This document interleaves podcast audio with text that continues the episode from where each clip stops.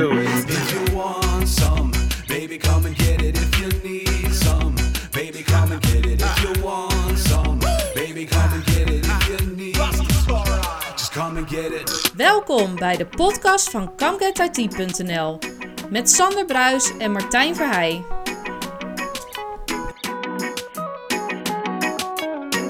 Welkom bij eh, een nieuwe ComGet IT aflevering, afleveringetje nummer 32. Ja, En mijn 32 maatje. Sander is er ook weer. Hallo. Hey Sander, alles goed? Ja, het, het- je hebt van die dagen. Maar eh, we hebben in ieder geval een hele leuke gast met een leuk onderwerp. We gaan Zeker. het over veilig e-mailen hebben. Ja, En, dat, eh, eh, dat prikkelde onze zenuwen zeker. ja. Dus heel, daar zijn heel veel vragen over in en de, ik denk de dat markt. dat zeker tot de verbeelding spreekt. ook En die vragen kunnen wij stellen aan de, de CEO, COO moet ik zeggen, van Secumailen. Ja. Die GDPR, NTA 7516 compliant beveiligde e-mail levert op basis van serverless, containerless, computing, privacy by design en stage event driven architecture. Ja, Nou, daar gaan we hem zeker even over ondervragen. precies. Maar voordat we dat doen. Ja, ik zou zeggen, we hebben het over mijn post. Ja, welkom. Goedemorgen. Nee, dat mag ik niet zeggen. Hallo. Welk- welkom. Hallo, welkom in de podcast. inderdaad. Dank jullie. Ja, we beginnen gelijk maar met de allereerste vraag af te steken, Mijnd. Eh, Ja. Wat zou je gedaan hebben als IT niet bestond? Ja. Als Oh, wat een goede functie- vraag. Dan zou ik echt eh ja die waren we, bijna, zijn. waren we bijna vergeten, die vraag. Nou. ja, maar dat is wel echt eh, een wezenlijke, zeg maar. Ja. Wat zou ik dan... Dan zou ik jurist zijn geworden. Oké. En- echt en- waar. Want ik heb namelijk rechten gestudeerd. Kijk, ja, dus er zit wel... En ligt dat nog op een of andere manier in het verlengde wat je nu doet? Is een daar beetje, enige... een ja? beetje. Ons product, zoals jullie weten, eh, je zei al net AVG en NTA 7516. Precies. Daar zit een hele sterke juridische lading in. Eh, maar ik moet wel zeggen, ik zou echt heel verdrietig zijn geworden als jurist, denk ik. Want het was toch saai, saai als studie. Ja, Eh, maar ik was typisch zo'n leerling eh, van, eh, ja, wat moet ik nou eigenlijk? Hè? Dus, eh, dan kom je vaak bij dan een kom je rechten uit Ja, van, ja, dat je- hoor je wel vaker. Als je niks weet en niks kunt, dan, eh, dan wordt het rechten. Ja, het is wat, toch- mij, wat mij opvalt nu is, wij hebben die vraag nu al een aantal afleveringen gesteld. Ja, En het is allemaal wel of, of in de politie of in de juridische kant van, eh, van, de, ja, ja, ja, ja, van, nou, van de maatschappij. nou, dat, moeten we, eind- dat moeten we eens analyseren in een eind, eindejaarsaflevering wellicht. Eh, Ja. Dat is wel goed inderdaad. Nou ja, hey, eh, goed dat we er hiermee eh, onze standaard beginvraag hebben Ja, van klopt. gemaakt. Ja. Ja. hey Meint, waar ik benieuwd naar ben, in de introductie had ik het al even kort even over. Maar wat is Stage Event Driven Architecture? Ja, vind ik ook. dat, is, eh, dat is heel mooi. Dat is eigenlijk wat je eh, standaard tegenkomt ook in de Unix-architectuur. Bij Unix is een van de uitgangspunten dat je kleine toepassingen hebt die allemaal al heel specifiek iets doen, die je dan in serie kunt schakelen. Mhm. Eh, Piping noemen ze dat eigenlijk. Ja, Eh, en dat betekent eigenlijk dat je de, de input van de ene eh, gaat verwerken. De output is dan weer de input voor het andere stapje. Dus een staged event-driven architecture betekent eigenlijk dat je je proces van e-mailverwerking in discrete stappen hebt opgeknipt. Mhm. En dat de uitvoer van de ene dan weer de invoer is voor de volgende stap. En heb je daar een specifiek voorbeeld, een concreet voorbeeld van? Ja, als je, dat hangt een beetje ook samen met het eerste aspect, dat serverless, containerless eh, architectuurverhaal. En die Ja. twee gaan eigenlijk hand in hand samen en leiden tot privacy by design. Dus daar ga ik even op in, wat dat dan precies betekent. Een van de grote uitdagingen als je werkt met eh, informatiebeveiliging, ook met privacy, is eh, dat de datarestanten achterblijven op een server. Hè? Als Ja. je een, een permanente server hebt, je hebt een, eh, een temp eh, heb je dan, Ja. daar blijft data op achter, digitale sporen blijven achter. En dat is heel moeilijk te verenigen met privacy by design. Als je Mhm. nou kijkt van wat wij doen, en wij gebruiken serverless architectuur. dat betekent eigenlijk dat voor de duur van een verwerking er een virtuele server, feitelijk een container, wordt, wordt gestart. En die leeft ook maar 2 à 3 seconden. Dan is hij volledig weer weg. Hm. Dus het zijn eigenlijk alsof je een landschap hebt vol met luchtballonnetjes die zo pop, pop, pop, pop, pop, zo, eh, zo opstijgen, zeg maar. Ja. En elk van die ballonnetjes doet een tijdelijke verwerking. Dus dat staged event-driven architecture betekent eigenlijk er zitten een aantal stappen in het proces. Voor elk van die stappen wordt zo'n container gestart en ook weer weggegooid. Dus En- er blijven nooit digitale sporen achter, Mhm. want er is geen permanente server meer, zoals bij een klassieke architectuur. Nee, precies. En zit je dan in de Kubernetes eh, de hoek te denken? Nee, dit is eh, eh, Kubernetes is eigenlijk nog een fase daarvoor. Mhm. Als je kijkt naar de hele evolutie van fysiek naar virtueel, naar containers, naar Ja. serverless. Hè. Serverless is eigenlijk de laatste stap tot dusver in de evolutie. Eh, er zijn een aantal leveranciers die het bieden. Amazon is er een van, dat is het platform wat wij gebruiken. Ja. Je ziet het bij Microsoft. eh, Azure heeft eh, Azure Functions en Google heeft Google Functions. Alle drie doen ze eigenlijk hetzelfde. En dat is feitelijk het mechanisme waarbij je een tijdelijke verwerkingsomgeving hebt. Eigenlijk een, een container die even bestaat. En dan weer weggegooid wordt. Puur voor één functie. Puur, puur voor één uitvoering, voor één functie. Ja. En jullie zetten dat in om veilig een, een veilige e-mailoplossing te kunnen aanbieden. Ja, correct. Hè? En- Want eh, eh, eh, doordat we deze technologie gebruiken, blijven er geen digitale sporen achter.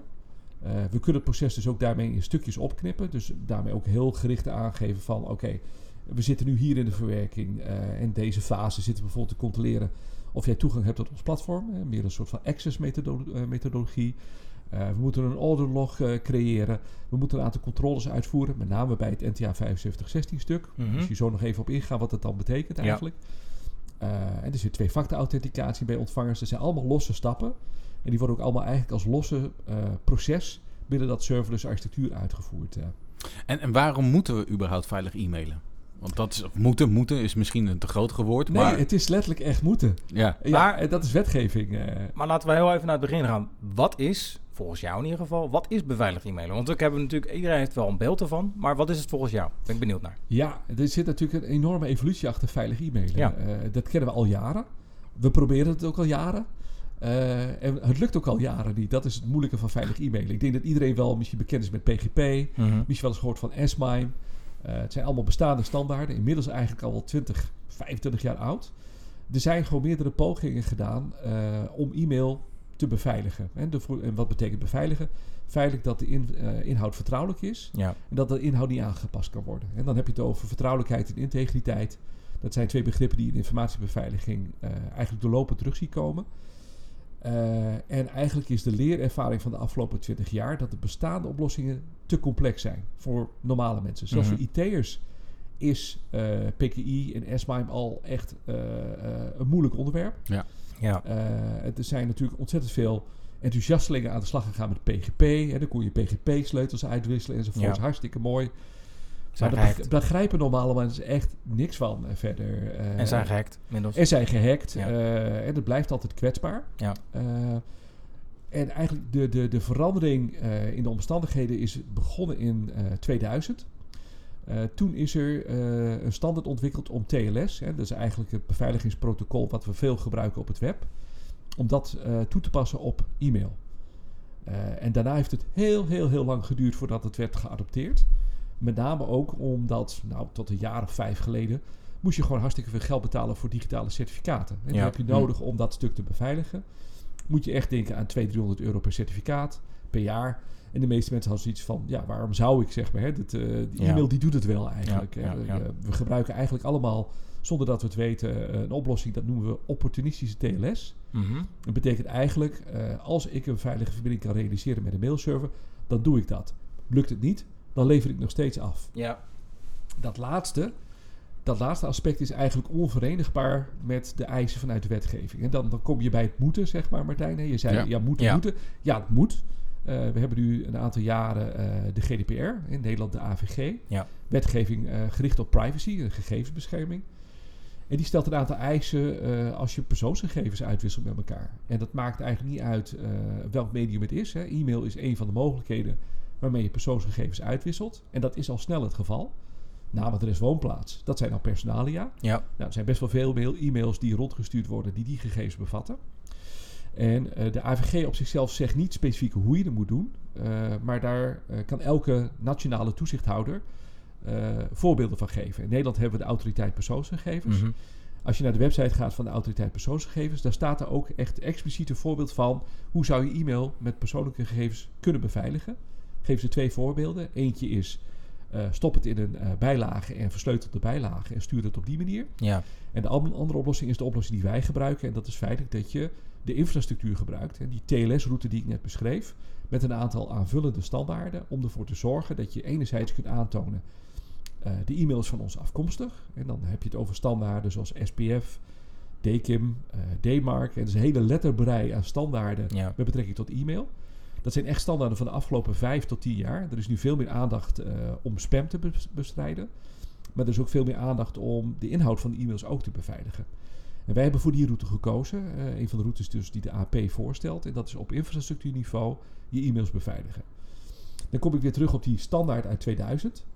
Dat heeft heel lang eh, een heel ja, eh, eh, ongemerkt bestaan eh, geleefd. Hè. De technisch kon het allemaal. Alle mailservers hebben er ook voorzieningen voor. Dat is het aardige van het feit dat het al sinds 2000 een standaard is. Inmiddels zijn alle mailservers zijn er wel klaar voor. Ja. hebben alle faciliteiten aan boord. De afgelopen vijf jaar hebben we ook Let's Encrypt erbij gekregen. Een non-profit organisatie die gratis certificaatmateriaal verstrekt. Inmiddels draait volgens mij de halve globe zeg maar, op Let's Encrypt certificaten. ja, is ook wel logisch. Vroeger waren die dingen hartstikke duur. Hè? 200, 300 euro was echt de ondergrens voor digitaal certificaat. Als je dan een, eh, wat luxe certificaat wilde met Extended Validation, een EV-certificaat, dan ging het al richting de 500 euro. Nou, nog, eh, het kan nog duurder. Ik heb onlangs eh, een PSD2-interface eh, ontwikkeld voor een bank. En dat is ook iets wat ik, wat, ik, wat ik doe. Ik heb een aantal online banken ontwikkeld. In mijn hele loopbaan iets van 12 eh, online banken gebouwd, waaronder Rabobank.nl. Mhm. Eh, en die hebben nog zwaardere eisen. En dan heb je het echt over 2.000 tot 3.000 euro per certificaat. Ja. Dus het kan nogal oplopen qua kosten. En opeens vijf jaar geleden krijg je de partij in de markt en die doet het gratis. Ja, ja, ja. Ja. En, dat heeft wel. eh, eh, dat is Let's Encrypt. Oh, dat is Let's Ja, Encrypt. een non-profit uit Ja, ja. Amerika. Eh, iedereen gebruikt tegenwoordig Let's Encrypt. En daarmee is eigenlijk ook het laatste bezwaar weggevallen van waarom zouden we het wel of niet doen. Ja, maar ik zie, je noemt een heleboel standaarden op, die eh, ik in meerdere maat, meer of mindere mate inderdaad ook wel herken. Maar ik heb wel het idee of, eh, dat het in de praktijk nog niet zo'n standaard is. In ieder geval voor de eindgebruiker die daar misschien niet voor ziet. Misschien hoeft hij dat ook niet te zien. Maar wat is op dit- wat jou betreft, het met wat dat betreft de huidige stand van zaken? Want mijn beeld is dus dat het nog niet allemaal encrypt is eh, by default. Ehm, als je kijkt naar onze cijfers, hè, we houden natuurlijk heel goed bij Ja. eh, waar kunnen we wel of niet afleveren. Hè. Onze methode zit eigenlijk zo in elkaar. Als wij eh, kunnen verifiëren dat jij een versleutelde verbinding aan kunt, zeg maar, dan leveren wij het af als e-mail. Hè, dan zijn alle waarborgen zijn er. Lukt het niet, dan leveren wij af via een webportaal. Dat is eigenlijk net andersom als bij onze concurrenten. Eigenlijk bij onze concurrenten levert iedereen af via een webportaal. Eh, eh, en bij ons maar maximaal 2%. Maar dan heb je het inderdaad jullie als, als bedrijf, als Ja. organisatie. Eh, ik heb het wat meer over breed, gewoon in de algemene zin. Dat, eh, nou ja, Piet en Henk, die zitten ook natuurlijk achter een computer. Ja. Die hebben ook, die zitten ook te e-mailen. Ehm, wat, wat maken die daarvan? Ja, dat is eigenlijk het, de, de grootste uitdaging van, eh, van veilig e-mailen. Als je gaat webbrowsen, dan zie je dat gouden slotje in je browser. Ja, ja. tegenwoordig ook niet eens meer, zeg maar. Chrome bijvoorbeeld eh, geeft nu geen waarschuwing meer eh, als jij een veilige verbinding hebt. Die geeft eigenlijk alleen nog maar een waarschuwing als je geen veilige verbinding hebt. hè. Maar vroeger werden we allemaal door de banken ook getraind. Let op het slotje, slotje in de browserbalk. Dan weet je dat je veilig bent. Nou, inmiddels is dat zo ver doorgevoerd aan die kant dat het net andersom is geworden. Let erop dat het er niet is. Ja. Datzelfde, dat zie je niet eh, met je e-mail client. Als jij in Outlook gaat mailen tussen Piet en Henk. Piet en Henk hebben geen idee Nee. van jouw e-mail client. Zegt helemaal niks over een veilige verbinding. Sommige inmiddels wel. Hè. Als je Gmail de browserversie doet, die begint inmiddels wel wat te roepen. Ja. Zeg maar, is het wel of niet veilig? Het probleem is natuurlijk dat er eh, echt hops eh, in de communicatie zitten. Als jij met een browser praat, met een, eh, met een webserver, met een, met, een, met een bol.com of noem maar op, zeg maar. Dan is dat de directe verbinding Ja.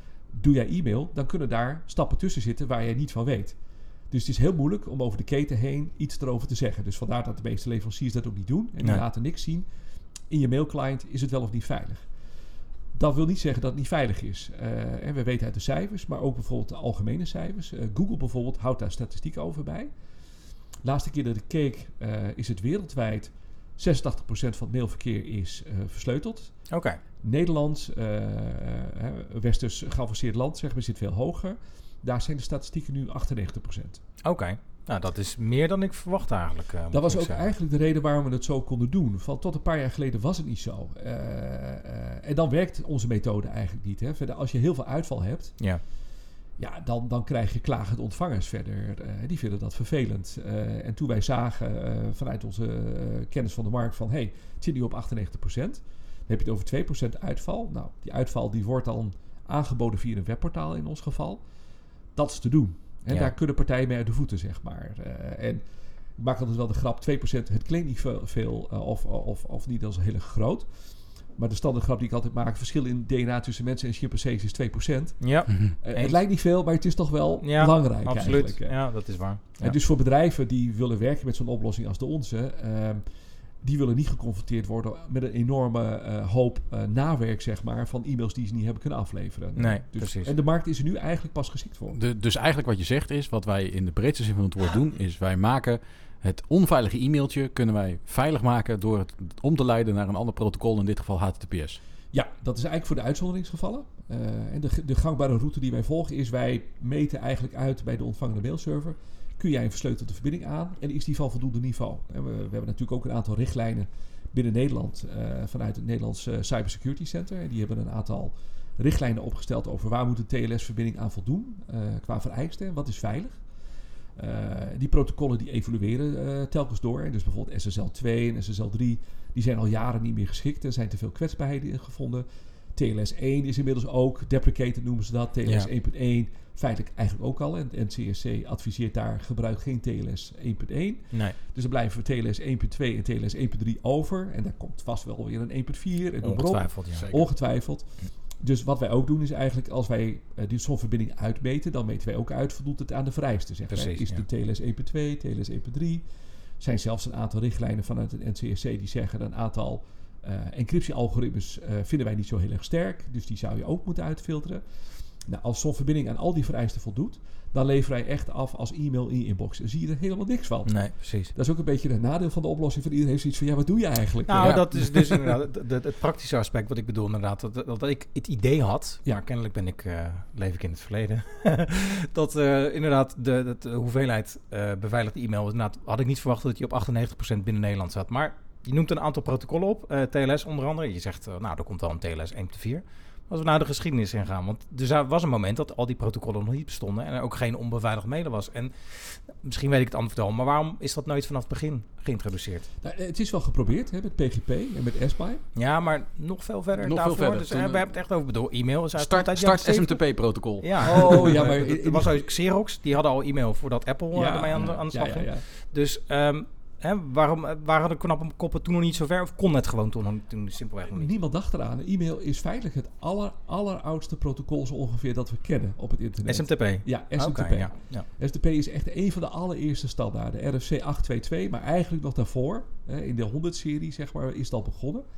RFC 822 is eigenlijk de eerste e-mail uh, SMTP-standaard die een aantal dingen bij elkaar gebracht heeft. Maar we, we mailen al met elkaar al 40, 50 jaar. Ja, precies. Is zo ontzettend oud. En in die goede oude tijd, waar het allemaal academici, en dat is natuurlijk ook waar het internet zelf nu onderhand erg veel last van heeft, is dat het ontworpen is met het oog uh, op uitwisseling van informatie en kennis. Ja. Zonder uh, te denken aan hackers, die had je helemaal niet toen de tijd. Nee, precies. He, die goede oude tijd met Aloha-net en de voorlopers van internet. En dat waren allemaal academici. Dus ja. die protocollen, die zijn eigenlijk achteraf geretrofit met veiligheid. En dat is altijd een heel moeilijk verhaal. Zo'n protocol wat je achteraf een beetje gaat opwaarderen met veiligheidskenmerken, blijft er altijd een beetje bovenop. Want je hebt inmiddels een installed base uh, van bestaande mailservice, bestaande mailclients met een bestaande werkwijze.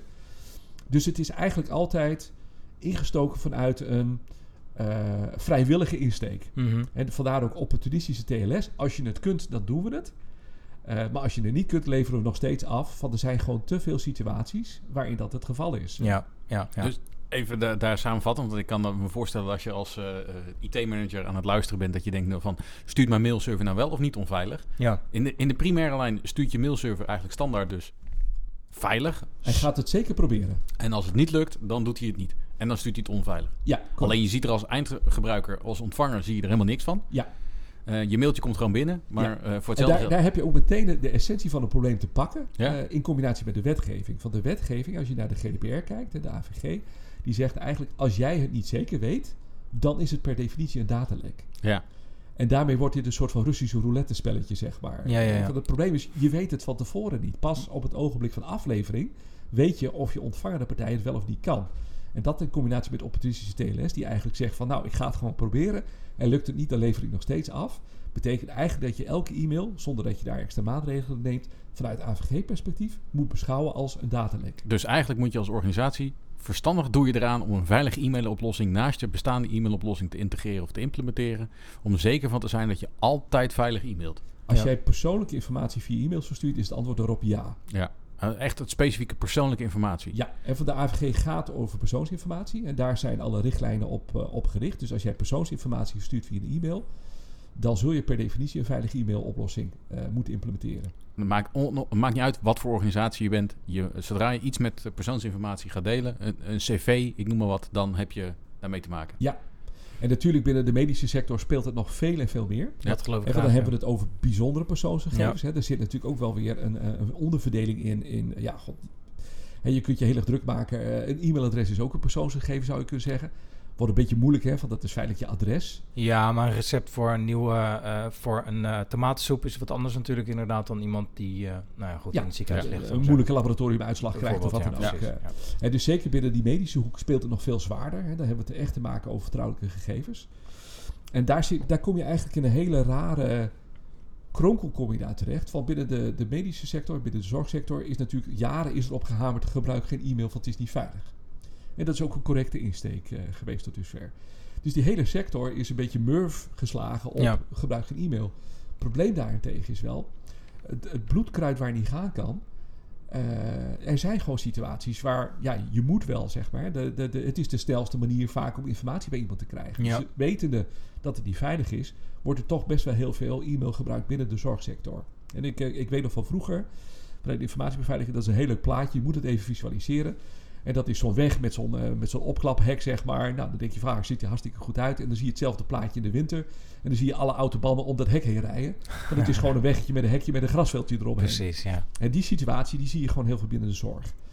Dat was ook bekend binnen VWS. En dan dit is een beetje zeg maar de opmaat van wat betekent nou NTA 7516. Van je noemde het in je introductie, Martijn, NTA 7516.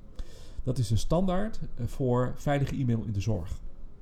En dat is een, eh, een beweging die een aantal jaren geleden ingezet is door ons bedrijf. Eh, wij kwamen toen in contact met een project vanuit de overheid, met mij. Eh, er is een aantal keren geprobeerd om een landelijk elektronisch patiëntendossier voor elkaar te krijgen. Nou, dat bleek echt heel erg moeilijk Ja, eh, om dat in Nederland voor elkaar te krijgen. Heel veel bestaande implementaties, ziekenhuizen, hè, er zit een hele wereld achter. En toen heeft de overheid op een gegeven moment heeft bakzeil gehaald. Die zegt, nou, het lukt ons gewoon niet om één landelijke EPD-standaard geïmplementeerd te krijgen. Wat gaan we doen? We gaan een landelijk schakelpunt gaan we maken, zodat al die ziekenhuizen wel informatie met elkaar kunnen uitwisselen. Dus iedereen houdt zijn eigen EPD-oplossing. Maar we gaan een soort van vertaaldienst gaan we in het leven roepen. En dat is het project met mij. Eh, en die gaat ervoor zorgen dat al die ziekenhuizen hun EPD's kunnen uitwisselen als patiënten onderling verhuizen tussen die ziekenhuizen. ja. Wij kwamen in contact met het eh, eh, project en wij kwamen toen, en we mochten toen als leverancier zelf een standaardvoorstel indienen. En dat was een voorstel wat ik toen heb geschreven voor hoe zou je veilig e-mail kunnen inzetten om zorginformatie met elkaar uit te kunnen delen. Het Met mij project heeft toen de tijd gezegd, dat gaan we niet doen, want wij willen eigenlijk alleen maar gestructureerd informatie met elkaar uitwisselen. En e-mail is, for better or worse, eh, ongestructureerd in dat Ja. opzicht. Mhm. Je kunt natuurlijk prima gestructureerde berichten via e-mail versturen. Dat gebeurt heel veel. ja, maar ik begrijp wat je bedoelt. Maar zij hadden zoiets van nee, we gaan dat allemaal via een portaal doen en prima. Wij kwamen toen in contact eh, met de enterprise architect van VWS. Die was wel geïnteresseerd, van die zei nee.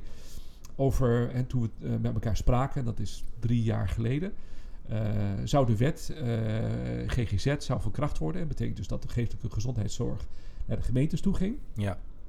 Daar moest iets voor bedacht worden om informatie met elkaar uit te wisselen. Hè. Dat gaat vaak om acute situaties en mensen zijn geestelijk verward. Eh, er moet gecommuniceerd worden tussen eh, de veiligheidsdriehoek in de gemeente, de burgemeester, Hm. politie, zorg. Eh, en de visie van deze enterprise arch- architect was: het gaat ons gewoon niet lukken om op tijd een systeem aan te besteden om dat voor elkaar te krijgen. De tijd is te kort. Dus ik wil graag dat we met z'n allen aan een standaard gaan werken, zodat we dit via e-mail kunnen doen, met elkaar regelen. Nou, dat was heel fijn. En daar is toen vanuit VWS, het ministerie van VWS, een project gestart bij de NEN, een Nederlandse eh, standaardisatieorganisatie, van ga dit voorstel met de leveranciers en de markt en de zorgpartijen omvormen naar een standaard. Eh, en maak, zorg ervoor dat die standaard interoperabel is. Er zijn meerdere oplossingen in de markt.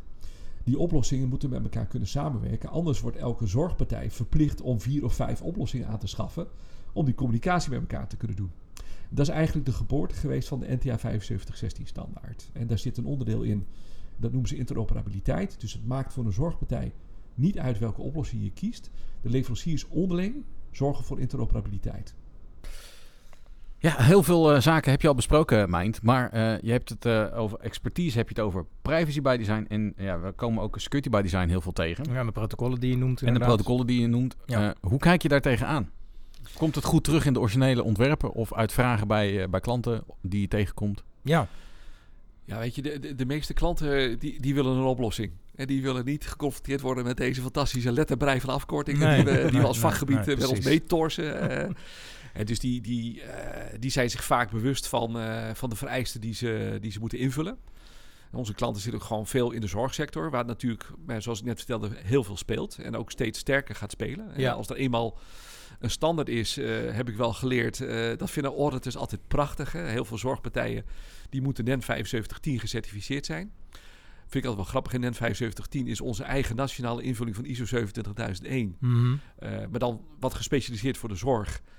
En met name ook vanuit het perspectief eh, dat als je een ISO-standaard wil gebruiken, dan moet je ervoor betalen. En we zijn wel Nederlanders met elkaar. Ja. Ja. Dus dat vonden we met z'n allen kennelijk erg vervelend om te moeten betalen voor een standaard. Dus we hebben een, een nationale standaard geschreven, NEN 7510.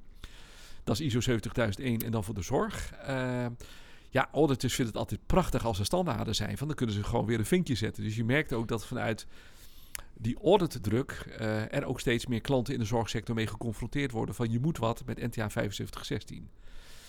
Eh, daarnaast veel klanten in de zakelijke dienstverlening. En die werken veel met persoonlijke informatie. Eh, en dan heb je het echt over advocatuur, notariaat, banken, verzekeraars. Eh, en de derde groep waar we veel zaken mee doen, dat is de overheid zelf. Ja, maar is er vanuit hun op een gegeven moment wel echt een roep ontstaan om dus, nou ja, precies wat je zegt, er wordt gewoon gevraagd om een goed product, om dat out of the box te kunnen afnemen, of het nou naast je mailserver staat of wat dan ook als extra oplossing. Maar dat er, veel, dat er op een gegeven moment wel echt een vraag ontstaan is, of is het gewoon puur vanuit de business zelf die dat aanlevert? Dat secure by design. Nee, het is echt wel ook vanuit de vraagkant eh, gekomen. En Ja. vanuit, vanuit de, de klantgroepen die ik net noemde. Ehm, wat je daar eigenlijk ziet over de afgelopen jaren is, eh, tenminste dat is wat wij zien, steeds meer en meer klanten gaan richting clouddiensten. En Zeker, waar, het, ja. waar het vijf tot tien jaar geleden iedereen had zijn eigen exchange server. Ja. Hm. Veel meer dan dat. Nou ja, misschien Lotus Notes als je wat verder achterliep, zeg maar. hè. Dus, eh, ja, ik ken ze nog steeds. ja, ik ook. Ja, eh, Group Rise. ja, eh, Lotus is trouwens inmiddels verkocht. Hè. Dat is helemaal geen IBM meer. Nee, dat eh, begrijp ik inderdaad, Ja, ja, dat ja. was ook wel een verrassing om te ontdekken. Ja. Maar vijf tot tien jaar geleden, ja, iedereen had gewoon zijn eigen exchange server. Dus je had eigenlijk wel een soort van, ja, noem het een soort van twee of drie deling in de samenleving. Als je een bedrijf was, eh, dan had je exchange. Was je een consument, ja, dan zat je bij Gmail of je zat bij je eigen ISP met, eh, met een e-mailaccount Ja. verder. Eh, en dat, dat was het dan wel eens een beetje. Je had er een paar enthousiastelingen die dan misschien nog een Unix mailserver gebruikten. Zeker, ja. En zeker veel ISP's gebruiken Unix mailservers. Ja. Dus onder de motorkap bij een Ziggo of een Gmail tref je heel vaak een open source mailserver product op Unix aan. Ja, maar precies. dat was een beetje de tweedeling in, in de samenleving. En je ziet nu eigenlijk eh, dat, die, dat die groepen steeds meer gaan convergeren richting cloud e-maildiensten. Ja, Partijen kopen gewoon Office 365. Stukken makkelijker, weet je. Zo'n Exchange server, god, als je hem goed beheert, heb je er ook niet veel omkijken naar. Maar het blijft natuurlijk wel beheer, het blijft wel upgraden enzovoorts. En je ziet steeds meer bedrijven kiezen voor de makkelijke oplossing, namelijk Office 365. ja maar ook het, maar het vertrouwen wellicht ook wat, daar, wat daarmee gepaard gaat, denk ik. Ja, Het ik, vertrouwen in die vendoren. ik, denk dat, ik denk dat het ook wel terecht is. Van als je kijkt naar wat voor ehm, vereisten zo'n cloud provider aan voldoet tegenwoordig. Hè. De, de, de, de kerstboom aan certificeringen die die partijen optuigen. Eh, het is ongelooflijk. Als je kijkt op de compliance pagina's van AWS of, of Microsoft. Nou, alles wat je zo ongeveer kunt verzinnen, hebben ze, zeg maar, qua certificering. Ja. Eh, qua stabiliteit is het vaak ook heel goed geregeld. Hè? Hoe goed ben je nou eigenlijk met je eigen on-premise exchange server... versus een specialist die niet anders doet dan dit, zeg maar. Precies, ja. En de meeste bedrijven die willen ook gewoon ontzorgd worden. Hè? Die hebben nooit een exchange server gekozen omdat, het, omdat ze dat een goed idee vonden. Maar gewoon, ja, dat deed je gewoon eigenlijk. Iedereen En- heeft het. Iedereen heeft er Ja, je kon niet zonder. Ik riep ook altijd, eh, elk groot bedrijf heeft een AS400 ergens. Ook al weten ze het niet meer van zichzelf. Hè? Eh, dat, nou, die tijd is inmiddels wel een beetje Ja, geweest. Maar bijzettafel. Maar. ja, maar tien jaar geleden had je altijd nog wel ergens zo'n doos ergens staan in je kelder. En die deed dan een of ander vaag proces. En eh, daar waar het een hele stekker bedrijf Ja. van afhankelijk was. Ja. Hè, de salarisadministratie of zoiets. Eh, en daar daar heb ik veel van gezien. Eh, maar Ja. je ziet die evolutie in de markt eigenlijk. eh, en dan vanuit dat perspectief, als jij een clouddienst afneemt, dan is het vaak ook wel relatief makkelijk integreren met een andere clouddienst. Hè? Dat is wat wij doen. Hè? Ja. Wij, wij integreren met die klanten op de achterkant. Maar in je profiel staat ook dat je werkt met open source. Ja. Even letterlijk eh, dat je de overstap naar de openbare cloud en gebruik maakt van open source met com- commerciële inbedding voor passende onders- ondersteuningsstructuren. Ook dat is weer een mooie volzin. Ja, Waar staat open source in dit eh, onderwerp wat dat betreft? Want we hebben het Eh, veel over grote spelers, maar open source hebben we het nog helemaal niet over gehad. Nee, het, het zit eigenlijk op twee plekken. Eh, eh, als je kijkt naar een club als Amazon, die gebruiken heel vaak open source onder de motorkap. En die maken daar een service van. Zijn daar ook schatplichtig aan. Hè? Dus die leveren ook wel weer terug aan die open source producten. Maar Amazon zelf gebruikt ontzettend veel open source in haar eigen servicecatalogus. Mhm. Alleen zie je het niet. Wij gebruiken het zelf ook in onze eigen architectuur. want niet alles lukt via de cloud. Nee. Eh, de cloud is gewoon een gestandardiseerd aanbod. En pas je niet binnen het aanbod, dan moet je iets zelf verzinnen. En dat hebben we echt op een paar plekken moeten doen. Hè. We, we doen een aantal hele geavanceerde eh, trucjes zeg maar, op het gebied van e-mail. En dan merk je ook gewoon dat een, een standaard oplossing binnen een cloud provider daar niet mee de voeten kan. Dus wij hebben ook echt een aantal eh, virtuele servers draaien. En het, het liefst doe ik alle serverless, omdat ik daar het minste hoofdpijn van heb. Ja. Eh, Ik heb er geen beheer van, ik heb er geen management van. Het schalt elastisch. Eh, nou, dat zijn allemaal prachtige eigenschappen. Maar een aantal dingen die ik doe, die lukken niet via die omgeving. En daar heb ik dus ook een vloot aan eh, virtuele servers voor. Ja. En die maken gebruik van open source software. En dat, is, dat begint dan op het OS. eh, dat is gewoon Ubuntu waar we gebruik van maken. Prachtig eh, Linux besturingssysteem, goede distributie. Ja. Eh, lange termijn support. En dat is ook voor ons allemaal van belang. Eh, ik gebruik Postfix. Sfeels beste mailserver. Hè, van, Nederlandse, van Nederlandse grond, hè, Wietse Venema. Ik zie dat wij elkaar vragen aan zitten te kijken. Nou, ik zeg het, eh, weet je, ik, eh, ik gebruik ook Exim eh, op een paar plekken. Mhm. Ja. Eh, ook een prima mailserver hoor, voor alle duidelijkheid. Ze hebben allebei zo hun, eh, hun sterktes en zwaktes eigenlijk. Maar eh, eh, het zijn beide open source mailservers met ontzettend veel uitbreidbaarheid. eh. Maar zie je dan ook heel veel, want je ziet vaak dat innovatie vanuit de, de, de randen van een bepaald vakgebied ontstaan. Dat de, de kern vaak bij, het, bij de huidige manier van werken blijft. Zie je veel innovaties vanuit die open source ook toegepast worden binnen het beveiligd e-maillandschap, om het zo maar te noemen? Minder. Eh, met name ook omdat dit een heel erg standaard gedreven gebied is. Ja, ja, ja, ja. ja. En daar is wel een hoop gebeurd hoor. In de afgelopen vijf jaar is er echt een, een, een nou, toch wel een aardige groei geweest in eh, ondersteunende standaarden voor het beveiligen van e-mail. En de, het trio wat ik in het begin noemde, SPF, DKIM, DMARC, is Ja. daar een voorbeeld van. En die zijn echt gericht op eh domeinauthenticatie. Hoe zorg je er Hm. nou voor dat een e-mail die je binnenkrijgt afkomstig is van een bron die je kunt vertrouwen? Ja. Daar zijn die standaarden echt op gericht. Eh, je hebt er ook een aantal eh, bewegingen bij gekregen op het gebied van ehm mailserver authenticatie zelf. Eh, DANE en DNSSEC Mhm. bijvoorbeeld. En die zitten ook in de NTA 7516 standaard als, als vereiste. Voor degenen die het niet kennen, DNSSEC is eigenlijk al best wel een oude standaard. Hè. Die is inmiddels ook al een jaar of twintig oud. Ja, ja. En dat is eigenlijk gericht op het beve- beveiligen van DNS-servers met Ja. encryptie. Dane is daar als het ware een soort van laag bovenop. Eh, en wat Dane doet, is dat, het, dat je eh, eigenlijk een, soort van vingerafdruk van je certificaat van jouw mailserver in je DNS zet. En dat DNS moet dan beveiligd zijn met DNSSEC. Eh en daarmee kan een mailserver die bij jou wil afleveren altijd controleren dat het certificaat wat aangeboden wordt door die mailserver van jou afkomstig is. Ja, Want dat ja. staat ook in de DNS.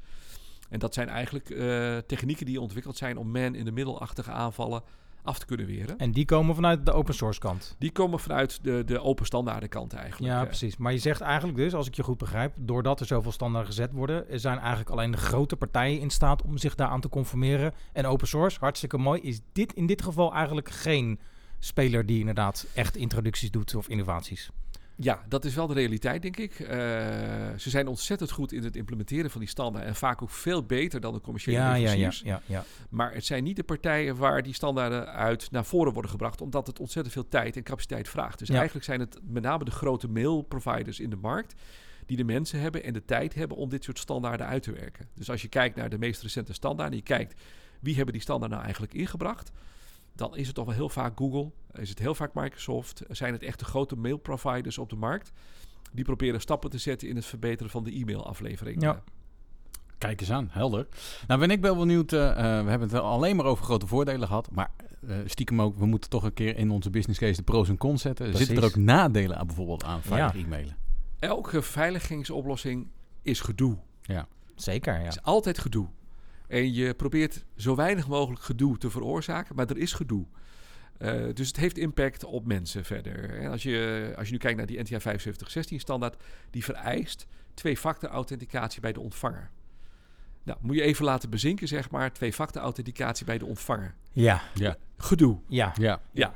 Absoluut. Eh, eh, dat, dat is gewoon zo. Eh, bijvoorbeeld eh, eh, coronabronnen- en contactonderzoek, zeg maar. Als je daar iedereen twee-factor authenticatie moet doen bij de ontvanger, dat is gedoe. Hè. Dus daar zijn ook alternatieve eh, eh, eh, eh, eh, procesoplossingen gevonden. En van in die situatie waar we het over hebben, hebben mensen zich eigenlijk al op het allerhoogste niveau geauthenticeerd middels hun paspoort, zeg maar. Dus de identiteit is met zekerheid vastgesteld. Ja. Nou, dan kun je besluiten in deze situatie, met die omstandigheden, eh, hoeven dat gedoe niet los te laten op deze mensen. Uiteindelijk het allerbelangrijkste uitgangspunt van de NTA 7516 is, het betreft medische informatie, als je een afweging moet maken tussen de allerhoogste beveiliging versus de eh, cliënt of de zorgverstrekker op het juiste niveau informeren, dan is het laatste altijd nog het allerbelangrijkste versus het eerste. Ja, het- absoluut. Even voor de duidelijkheid, we hebben het over een tweede factor. Ja. Dat hoeft niet zoals wij techneuten dat kennen een oplossing te zijn op je mobiele telefoon die een code genereert of een push-notificatie stuurt. Maar een tweede factor kan dus ook een identiteitsmiddel zijn in dit Ja. geval. Correct. Ja, er, zit, er zit veel mogelijkheden in die twee-factor eh, authenticatiesfeer, eh, zeker. Eh, en als je kijkt naar eh, ehm, eh, overige klanten die wij hebben, daar passen wij inderdaad twee-factor authenticatie toe op de aflevering. Eh, nou, dan weet je gewoon, dat probeer je zo makkelijk mogelijk te maken, maar het zal altijd gedoe opleveren. Maar het lost niet een probleem op waarbij mensen een typfout in een e-mailadres maken. Nee, nimmer. En dat, dat wordt door veel leveranciers beweerd. Maar weet je, onze ervaring is eigenlijk in het algemeen dat mensen gewoon de verkeerde persoon in gedachten hebben als ze die e-mailen. En dan blijf je die fout ook houden. Hè. Dus als je ook een sms-authenticatie doet met een telefoonnummer. Als jij gewoon de verkeerde persoon in gedachten hebt, dan selecteer je daarmee ook het verkeerde telefoonnummer. Ja. Zeg maar. Dus iemand. Maar dat is ook nooit het probleem. Hè. De mensen maken zich altijd heel erg druk over, over dat soort situaties. Maar dat zijn incidentele fouten. En daar gaat de AP echt in het algemeen je niet voor afstraffen verder. Hè. Die gaat echt kijken naar systeemfouten. Doe jij het structureel fout? Ja. Menselijke fouten kunnen altijd gebeuren. Dus dit is officieel een datalek, moet je ook keurig melden enzovoort. Maar de kans dat de AP daarop gaat acteren en zeggen van... en nu kom, krijg je die 4% van je omzet boete hiervoor...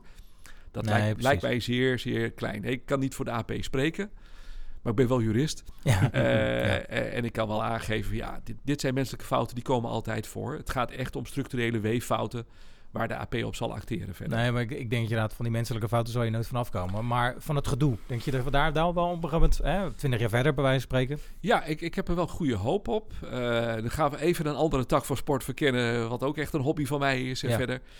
En dat is ei- uiteindelijk, eh, in de Nederlandse overheid, lijkt steeds meer die kant op te gaan. Maar eigenlijk willen we met z'n allen gewoon een sluitende digitale identiteit. Ja. En daar, daar zijn we met z'n allen al jaren mee bezig. Hè. We, de overheid heeft de PKI-overheid project gedaan en zo. We hebben het echt geprobeerd met smartcards en zo. Die technologie is te moeilijk gebleken in de praktijk. Maar Martijn, jij had het net over die mobiele telefoon. Mhm. Dat is het perfecte platform eh, voor een digitale identiteit. Dat horen we vaker, ja. Ja. En dat zie je ook bij de banken. Hè. Dus eh, ik heb heel veel werk gedaan bij banken. Ik heb twaalf online banken ontwikkeld. Ik ben nog steeds eh, in die markt betrokken. Je ziet dat de banken allemaal richting wat ze noemen een bound app aan het gaan zijn. Dat betekent eigenlijk dat je app met cryptografische middelen echt op jouw mobiele device wordt gebonden, zeg maar. Die kan ook alleen maar op dat mobiele device eh, actief zijn. Kun je niet overkopiëren. Hè. Dus de app die zo'n bank, bank inzet, die is echt als het ware versmolten met jouw mobiele device. Daarmee is het ook een authenticatiefactor op zichzelf geworden. Ja. En dat in combinatie met een pincode op die app zorgt ervoor dat je een heel sterk identiteitsdevice altijd bij je hebt. Precies dat, want je hebt hem altijd bij inderdaad. Je hebt hem altijd bij Ja. je. Dat is wat je moet hebben. Hè? Want alle pogingen die in het verleden zijn eh, geprobeerd, eh, ook vaak vanuit banken, dan had je altijd een los kastje bij je. Ja. Of een ja, precies. En die heeft niemand bij zich. Op het moment Nee. suprem, zeg maar, heeft iedereen hem thuis op zijn bureau liggen. Maar dat is nu heel erg aan het wijzigen. Eh, en je ziet ook hele interessante nieuwe activiteiten ontstaan, zoals bijvoorbeeld eh IRMA. IRMA is een, eh, is een app vanuit de universiteit, eh Radboud Universiteit Nijmegen. Mhm. En eh IRMA stelt je in staat om bepaalde attributen van jouw identiteit te delen. En dat is vaak wel heel belangrijk. Eh, je wilt misschien wel eh, jouw identiteit ergens voor inzetten, maar je wilt niet je hele hebben houden. Wil je eh, meegeven aan zo'n partij. Nee. Als je bijvoorbeeld eh, eh, een boodschap zou doen in een webshop, dan zou het bijvoorbeeld voldoende moeten zijn: eh, ik heb een digitale identiteit, die heb ik gekregen vanuit de Nederlandse overheid. En dat is voldoende. En misschien wil je adresgegevens delen met de webshop. Eh, als je naar een medisch portaal gaat, kun je ervoor kiezen bijvoorbeeld om meer van jouw gegevens te delen met zo'n medisch portaal. Ik denk dat dat echt de toekomst is. En als we dat soort eh, mogelijkheden hebben binnen onze samenleving, dan kun je er dus ook voor kiezen om dat te gebruiken om bijvoorbeeld beveiligde e-mail te kunnen ontvangen. Ja, maar daar is toch ook de AVG en de GDPR voor opgezet? Om die digitale identiteit op den duur mogelijk te kunnen maken? Nee. eh, oh, dat nee. was altijd een beeld wat ik had. Nee, eh, je hebt daar de EI-DAS eh, standaard voor. Eh, ook een Europese richtlijn op hetzelfde niveau als de GDPR. Eh, en EIDAS regelt ehm, over, over eh, grenzen stijgende digitale identiteitsoplossingen. Dus als eh, een overheid binnen Europa een bepaalde eh, identiteitsoplossing aanmerkt als die is EIDAS, zeg maar. Dat betekent dat je met, in principe dat je met die identiteit ook aan de slag zou moeten kunnen in andere Europese landen. Zover is het nog lang niet. Eh, van we hebben natuurlijk al moeite genoeg binnen onze eigen samenleving om voor elkaar te krijgen. Laat staan dat je met je digitale identiteit naar Duitsland of België of Frankrijk zou kunnen gaan. Ja, en ik vraag me ook af, moet dit per se vanuit de overheid eh, gefaciliteerd worden? Ik ben daar heilig van overtuigd van wel. De niet- overheid zelf niet. Nee, maar is het niet iets wat vanuit de markt gewoon... Dat is zo vaak geprobeerd, maar elke keer mislukt. Eh, een, bekende marktoplossing, tenminste binnen mijn sector, is Eden. Mhm, Ja, Hè, dat ken je Ja, ook wel. En dat is, dat is eh, tussen de banken, zeg Ja. maar. Die hebben feitelijk het Ideal-protocol gebruikt om authenticatie mee te Ja. doen. Komt niet van de grond. en hoe komt dat dan, Het wat is, jou betreft? Ja, het, het is ongelooflijk moeilijk eh, om een digitale identiteit in de markt te zetten die vertrouwd wordt door iedereen. Mhm. En in mijn ervaring is er eigenlijk maar één partij die iedereen meer of minder vertrouwt. En dat is de overheid. Nou, daar kunnen we wel een discussie over voeren. ja, ik zeg ook meer of minder. Hè, Ja, ik wou zeggen inderdaad.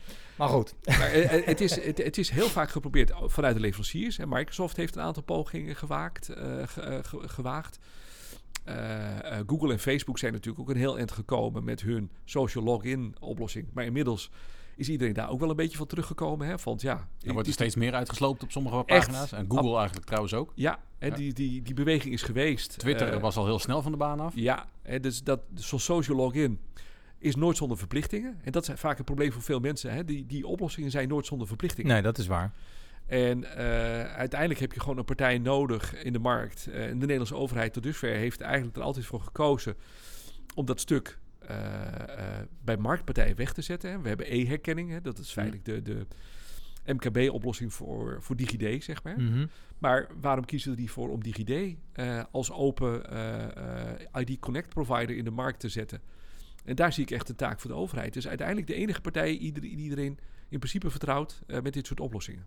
En als dat zo zou zijn, en dan zie ik echt DigiD, zien we natuurlijk heel breed nu ingezet worden bij Ja. bijvoorbeeld coronabron- en contactonderzoek. Ja, als jij je resultaat wilt ophalen van je coronatest, doe je dat met DigiD. Ja. Nou, waarom die faciliteit in een iets andere vorm eh, niet beschikbaar stellen aan de markt? En dan zou je dat bijvoorbeeld kunnen combineren met zo'n ERMA-insteek, waarbij je als burger ervoor kunt kiezen wat je deelt via je DigiD-login. En op laag niveau, ik heb een DigiD-account eh, bij een webshop. En als er dan wat aan de hand is, dan kan die webshop in elk geval altijd een uitvraag doen van... hey, we zijn bedrogen, hè, dus fraude gepleegd met dit account. We willen graag weten wie erachter zit als identiteit. Eh, en hè, met zo'n benadering kun je er eigenlijk voor zorgen dat eh, eigenlijk alleen maar het hoogst noodzakelijke gedeeld wordt. Maar je hebt wel een nationale digitale identiteitsinfrastructuur. En als je dat zou hebben, dan kun je dus ook stoppen met al die ja, homegrown oplossingen, even oneerbiedig gezegd, voor Mhm. sterke authenticatie, twee-factor authenticatie, die we nu in de markt zetten. Ja, Mind, wij zijn door onze vragen heen. Je hebt een hele hoop informatie eh, met ons gedeeld en eh, door ons gedeeld. Ja. Eh, het leuke daarvan is, we hebben nog wel stiekem één vraag voor je. En die mag je zelf kiezen. Precies. Dat is het leuke ervan. Ja. Eh, dat eh, doen we altijd even met een stukje vormgeving. De envelop vragen. En eh, eh, ja, eh, Sander ligt toe. Ja. We hebben, zoals gewoonlijk, en ik leg het altijd maar weer uit, want je weet nooit wie er voor de eerste keer luistert natuurlijk. Ik heb hier drie enveloppen in mijn hand. Eh, daar zitten drie verschillende vragen in. Soms wat prikkelend, soms wat meer op de, eh, op de persoon. Ehm, ik zou zeggen, kies er één uit. Eh, lees hem hardop voor en we zijn benieuwd naar je antwoord. Ik ga voor de link, linker envelop. Precies, De niet linker de gulden middenweg. Nee. En wij zijn wij benieuwd wat de vraag is die wij Ja, maar ik ben nooit hebben. zo van de gulden middenweg. Die is zo saai eigenlijk. Nee, nee, goed, daar houden we van. Dat zorgt voor discussie. Het is, eh, ik heb altijd geleerd, eh these en antithese is synthese. Dat klopt. Ja. Klopt. Dat klopt. Dus eh, je moet kiezen. Alleen nog onbeveiligd mailen of alleen nog maar briefpost? Ja. Eh, dat is wel echt een gewetensvraag. Kijk, eh, nou dan ben ik blij dat, dat je hem gepakt hebt. Ja, dan... ehm, ga ik toch voor onbeveiligd mailen. Toch wel. Toch wel. Ja, die, dat had ik niet verwacht eigenlijk. Nee, dat, dat, kijk, eh, echte security mensen, en dan zeg ik echte security mensen, Ja, ja. die zullen altijd weten dat het een afweging is. Eh, hè, is eh, de, de, de, de stelling is eigenlijk gewogen beheersbare risico's nemen. Hè. Ja. Beveiliging is altijd risicomanagement. Ja. En daar zitten elementen in van eh, eh, eh, ehm, de, de, de lasten, maar ook de baten. En uiteindelijk, wat weegt zwaarder? Het feit dat mensen met elkaar kunnen communiceren op het ogenblik dat het nodig is, Ja, of de beveiliging? ja, ja. ja. Dan kies ik altijd voor het eerste. Want het is belangrijker dat mensen met elkaar kunnen communiceren en problemen kunnen oplossen dan de beveiliging. ja, en je hebt ook nog een keuze natuurlijk wat je in de daadwerkelijke e-mail zet wat dat betreft. Zeker. Ja, precies. Laatste vraag, die kon ik niet laten liggen. Ehm, in hoeverre eh, heeft je achternaam nog een rol gespeeld in jouw... Ja, hilarisch aankomen, eigenlijk. Hè? ja. Hoe, heb ik het, hoe heb ik het zo kunnen Ja, ik- verzinnen? die kon ik niet laten nee, liggen. ik weet het. eh, Hij komt vaker voor. Ja, ik, ik ben gewoon op mijn pad gezet in het leven met mijn achternaam. Ja, ik moest is- wel. ik vind het prachtig. Ja. Echt, dat meen ik echt. Ja. Dat is echt... eh, Nou, ik hoor wel heel duidelijk eh, eh, e-mail, post, eh, ik snap hem. ja, Eh, juridische kant hoor ik er ook heel duidelijk in. Zeker, Dus bij mijn, ja, eh, ik echt eh, uitmuntende veel kennis over dit specifieke eh, veilige onderdeel, Ja, veilig ik, e-mailen. ik heb het idee dat we hier nog een podcast over we kunnen kunnen hier nog wel een deel 2 over kunnen Ja, maken. Dus dat gaan we zeker gaan doen. we doen inderdaad, ja. wij stellen niet alleen de vragen, maar eh, nou, Sander en ik kunnen bevestigen. Wij krijgen die vragen ook heel veel uit de markt. En ik denk dat we met deze podcast Absoluut. daar een stuk toelichting op gegeven Absoluut. hebben. Dus waar, waarvoor ik je wil bedanken Ja. eh, om, om hier in deze studio aanwezig te zijn. Ja. En om dit onderwerp toe te lichten. Jullie heel erg bedankt voor de uitnodiging. Ja, Eh, zeer ik graag praat gedaan. altijd graag en veel over veilige e-mailers, zoals Ja. jullie gemerkt Nee, hebben. hartstikke leuk. Dat we dat, eh, Nou ja, zoals gezegd, en dat onderwerp ligt ons nader aan het hart. Dus Zeker. dat betreft, eh, Mochten mensen geïnteresseerd zijn in eh, natuurlijk veilig e-mail of een veilig e-mail oplossing, Mind, waar kunnen ze jou vinden? Eh, ze kunnen me vinden op uh, securemailer.nl. Kijk eens aan. Top. En eh, LinkedIn en... eh, Ja hoor, LinkedIn vind je me ook zo. eh. oh, kijk eens aan. Nou, de naam is niet moeilijk, dus we hoeven niet Nee. te spellen. nee, Er zijn er wel hoop van hoor. Dus, eh, maar mijn voornaam is relatief uniek. eh. Zo Kijk, is dat. nou, ja, als, je, als je dan binnenkort Mindpost Come Get IT intikt, dan zit je helemaal goed. Dan kom je ook helemaal goed te zitten. Precies. Dan kom je uit op comgetit.nl. Precies. Ik wil jou als luisteraar bedanken voor weer het luisteren naar deze aflevering. Ja. De volgende aflevering zit alweer in de pijplijn. En dat Zeker. wordt ook weer een leuk onderwerp, Sander. Ja, al zeggen we het zelf. Dan gaan we over processen, toch? Eh, Of is dat de aflevering daarna? dat, we gaan het zien. het gaat helemaal goed komen. Precies. Er zit nog heel veel in de pijplijn, dus reden genoeg om de komende tijd zeker ComGet IT te blijven volgen. Eh, ga daarvoor naar je podcast-app, druk op abonneren. Daar zijn we blij mee. En laat alsjeblieft een reactie achter, want eh, met die reactie kunnen we deze podcast en eventuele nieuwe afleveringen weer beter maken. Ja, vinden we leuk. Vinden we leuk en eh, wie weet een dikke shout-out. Ik zou zeggen, tot de volgende. Tot de volgende. Bedankt voor het luisteren naar de podcast van CamGetIT.nl. Wil je meer weten? Heb je vragen, suggesties of opmerkingen? Bezoek dan onze website some, baby, come and get it. If you need some, baby, come and get it. If you want some, baby, come and get it. If you need, just come and get it.